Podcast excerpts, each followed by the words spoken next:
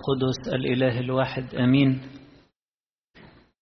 إحنا في الحد الرابع من الخمسين المقدسة يعني فات أربع أسابيع كاملين على عيد القيامة. وفي كل حد الكنيسة بتكشف لنا سر من أسرار القيامة وكيف نتمتع بالقيامة. الحد الأولاني اللي هو حد توما نتمتع بالقيامة من خلال التلامس مع المسيح ورؤيته. والحد الثاني نتمتع بالقيامة من خلال التناول من جسد المسيح ودمه. وفي الحد الثالث نتناول من ماء الحياة اللي بيقدمه المسيح وهو عمل الروح القدس وكلامه المحيي هو الماء اللي بيروي اللي مش الناس مش بيحييها الخبز اللي بتاكله لكن يحييها ما يخرج من فم الله كلامه المحيي اللي بيروي العطش. النهاردة الكنيسة بتكلمنا على نتمتع بالقيامة كنور ينور حياتنا. إزاي نتمتع بنور القيامة؟ كيف نتمتع بنور القيامة؟ أول حاجة عايزين نبقى واعيين برضو شوية على مفهوم النور في الكتاب المقدس. النور مرتبط بعدة حاجات. هقول ست حاجات. أول حاجة النور مرتبط بالقداسة. مرتبط بالقداسة. حتى القديس يوحنا في إنجيله في رسالته الأولى الإصحاح الأول يقول أول حاجة كده الله نور. ليس فيه ظلمة البتة.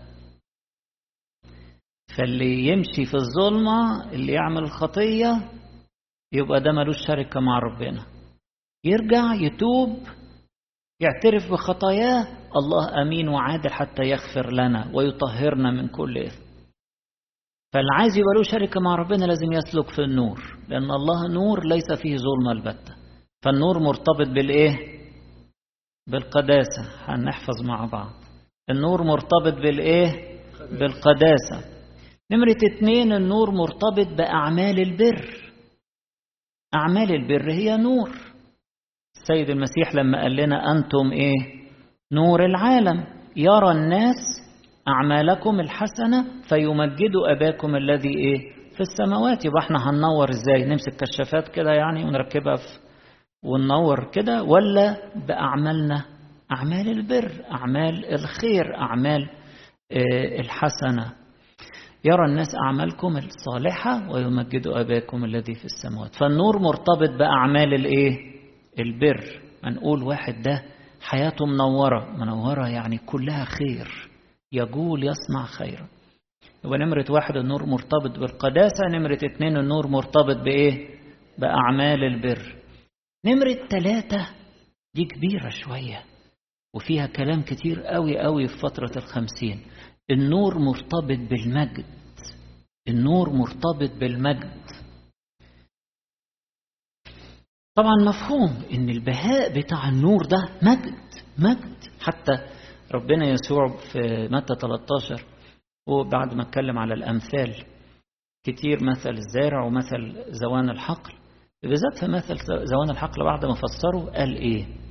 قال حينئذ يضيء الأبرار كالإيه؟ كالشمس في ملكوت أبيهم.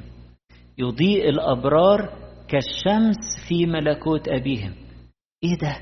ده مجد إلهي منعكس علينا ومالينا فهننور في السماء.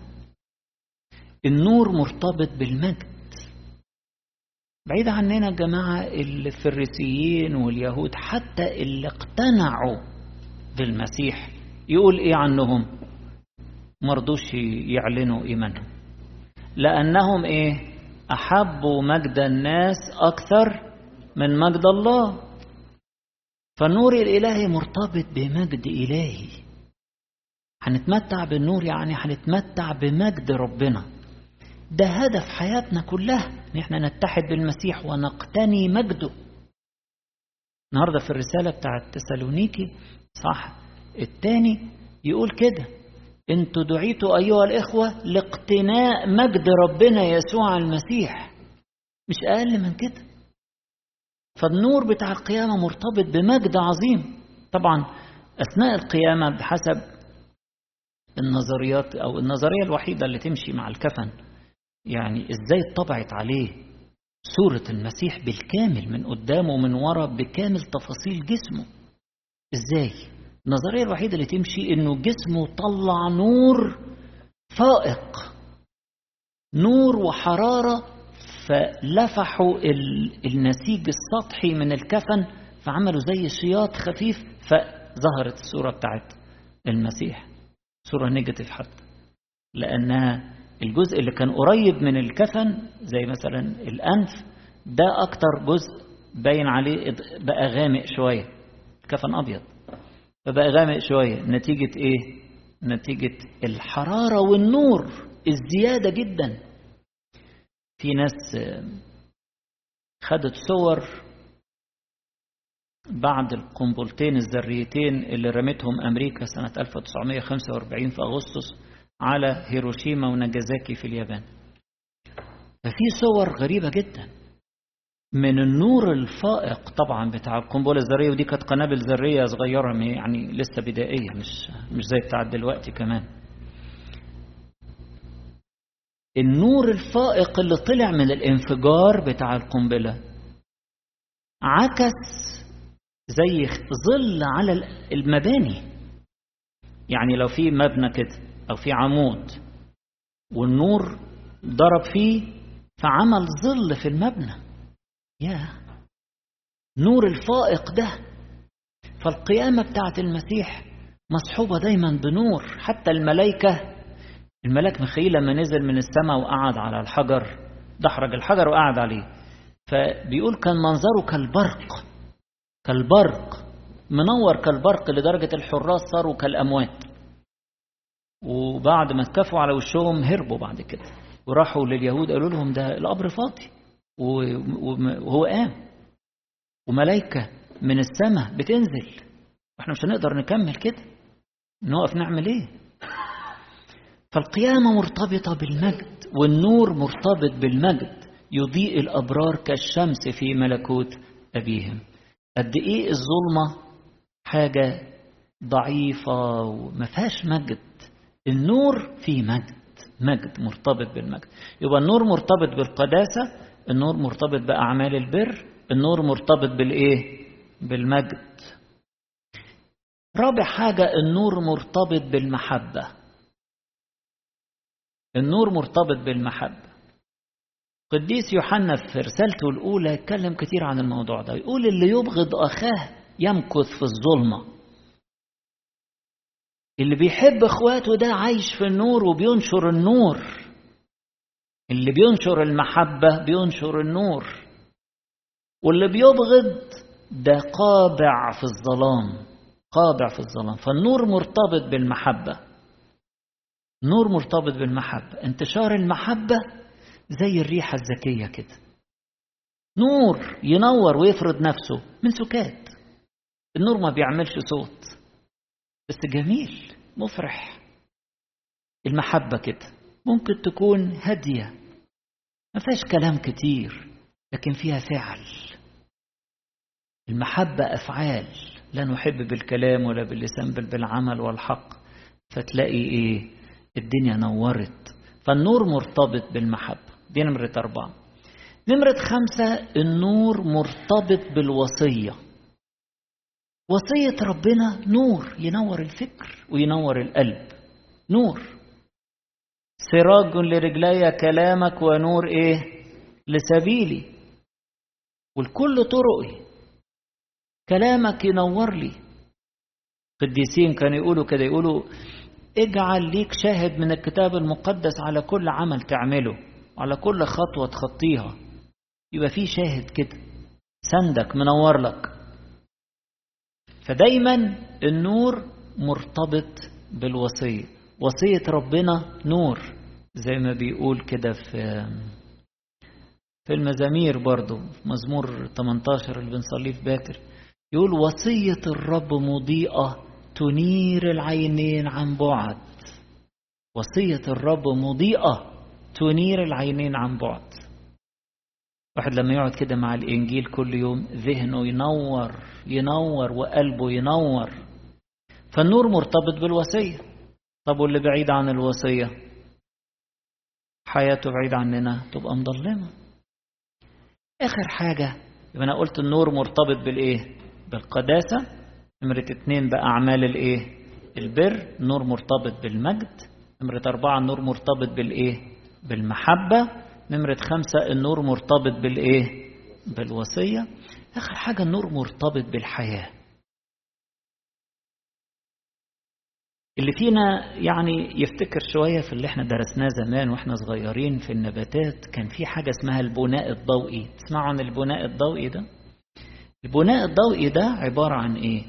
إن النبات يستخدم الضوء بتاع الشمس عشان يبني الأنسجة بتاعته يبني البروتينات والأنسجة بتاعته.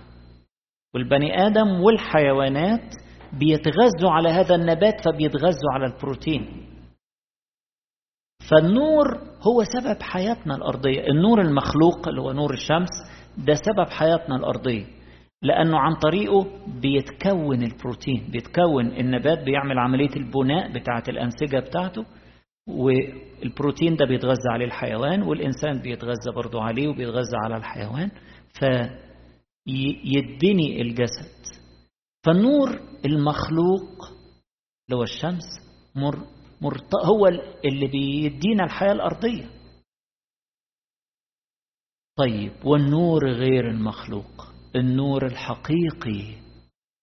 على فكرة القديس يوحنا ذكر النور في الإنجيل والرسائل بتاعته 32 مرة. منهم 23 يعني عكس الرقمين منهم 23 بس في إنجيله والتسعة الباقيين في رسائله الثلاثة. النور. النور الحقيقي الذي يضيء لكل إنسان آت إلى العالم ده سبب حياتنا الأبدية. فاكرين لما قلنا إن السيد المسيح بيدينا حياة من نوعية مختلفة عن الحياة الأرضية دي اللي يغلبها الموت. عطانا بقيامته وبجسده ودمه اللي بنتناوله وبعمل روحه فينا حياة أبدية لا يغلبها الموت. الجسد ده الأرضي ده هيروح للأرض. لكن الحياة الأبدية اللي فينا هتقمنا في اليوم الأخير. فالنور الحقيقي غير المخلوق هو سبب حياتنا الأبدية. هو اللي بيحيينا حياة أبدية. عشان كده السيد المسيح النهاردة بيقول يكون له ليؤمن بي يكون له نور الحياة. أنا هو نور العالم. من يؤمن بي لا يمكث في الظلمة بل يكون له نور الحياة. وافتكروا كده المقارنة البسيطة دي. النور المخلوق اللي هو الشمس هو ده اللي عن طريقه بتتبني الأجسام النباتات والحيوانات والإنسان بتتبني الأنسجة بتاعتها. فالنور المخلوق مسؤول عن الحياة الأرضية ولكنها فانية. لكن النور غير المخلوق النور الحقيقي هو المسؤول إنه يدينا الحياة الأبدية. فالنور مرتبط بالإيه؟ بالحياة. من يتبعني لا يمشي في الظلمة بل يكون له نور الحياة. يبقى النور مرتبط. نمرة واحد ها؟ بالقداسة. نمرة اتنين بأعمال البر. نمرة ثلاثة بالمجد. نمرة أربعة بالمحبة. نمرة خمسة بالوصية. نمرة ستة بالحياة. بالحياة الأبدية. المسيح هو النور الحقيقي اللي جاي عشان يدينا حياة أبدية. طيب آخر حاجة بقى. إحنا مدعوين لاقتناء نور القيامة لاقتناء مجد ربنا يسوع المسيح. طيب محتاجين إيه بقى؟ نعمل إيه علشان نقتني مجد ربنا يسوع المسيح؟ عشان نقتني نور القيامة. قديس بولس الرسول بيقولها لنا النهاردة تقديس الروح وتصديق الحق. نعيش في قداسة بالروح القدس ونصدق الحق يعني نؤمن بكل كلمة ربنا قالها لنا. تقديس الروح وتصديق الحق. حاجة تانية لما إحنا عليها ان إحنا نطلب مجد الله. ما نتخدعش بمجد الناس ولا نطلب مجد العالم ولا كرامة العالم. وخاصة كرامة العالم دايما إيه؟ متقلبة. النهاردة يرفعونا بكرة يدوسوا علينا. شوفوا النهاردة اللي خد باله في الإبراكسيس. بولس الرسول لقى راجل في لسترا قاعد مقعد ولقى عنده إيمان كده بيسمع كلام ربنا وعنده إيمان. قال له قوم قام. فالناس طبعا عارفين الراجل كويس الراجل ده معاهم. فقالوا إيه ده؟ الآلهة تشبهوا بالبشر وأتوا الينا ألهوا بولس وبرنابا. وكانوا هيذبحوا لهم ده بولس وبرنابا قطعوا هدومهم علشان يكفوهم عن إن هم يعملوا كده. طيب تاني يوم يقول لك جه يهود من البلد اللي جنبهم واللي جنبهم وأقنعوهم قالوا لهم دول ناس أشرار فخدوهم ورجموا رجموا بولس رجموه لحد لما مات في إيديهم. جرجروه جثة ميتة جثة ورموه بره البلد. وربنا قومه من الأموات. يقول لك أحاط به التلاميذ فقام. إيه ده؟ أدي مجد الناس. النهارده بيألهوه بكرة بيرجموه. ده على كل المستويات. من الحبيب ومن الغريب. من الصديق ومن البعيد. ممكن نلاقي التصرفات بتاعت الناس كده. متقلبة. غلابة الناس. النهاردة فلان ده أشطر واحد. فلان ده اللي بيفهم. فلان ده لو في منه بس كام واحد. تاني يوم الدنيا تقلب على فلان. ويبقوا عايزين يرجموه. ربنا يحميه يعني. بس إيه؟ أدي الناس. واللي يطلب مجد الناس يا عيني يبقى عامل زي الموجة اللي تاخده ترفعه وتهبده. واللي يدور على مجد الناس وعلى منظره قدام الناس. اليهود لما كان بيقول عليهم كده أحبوا مجد الناس أكثر من مجد الله فكتموا الشهادة. كتموا الشهادة. فانطفى فيهم النور. اطفى فيهم النور. اللي عايز نور المسيح ينور حياته ما يطلبش غير مجد الله. المجد الذي من الإله الواحد زي ما ربنا يسوع قالها للفريسيين في يوحنا خمسة قال لهم كيف تقدرون أن تؤمنوا وأنتم تطلبون المجد بعضكم من بعض؟ والمجد الذي من الإله الواحد لستم تطلبونه. مجدا من الناس لست أقبل. مجدا من المسيح اللي بيقول كده فما بالنا إحنا. ده له كل المجد. بيقول كده. خلينا ناخده ده شعار لينا. مجدا من الناس لست أقبل. ونطلب المجد اللي من فوق. الأسبوع اللي فات في البولس كان من كلوسي ثلاثة.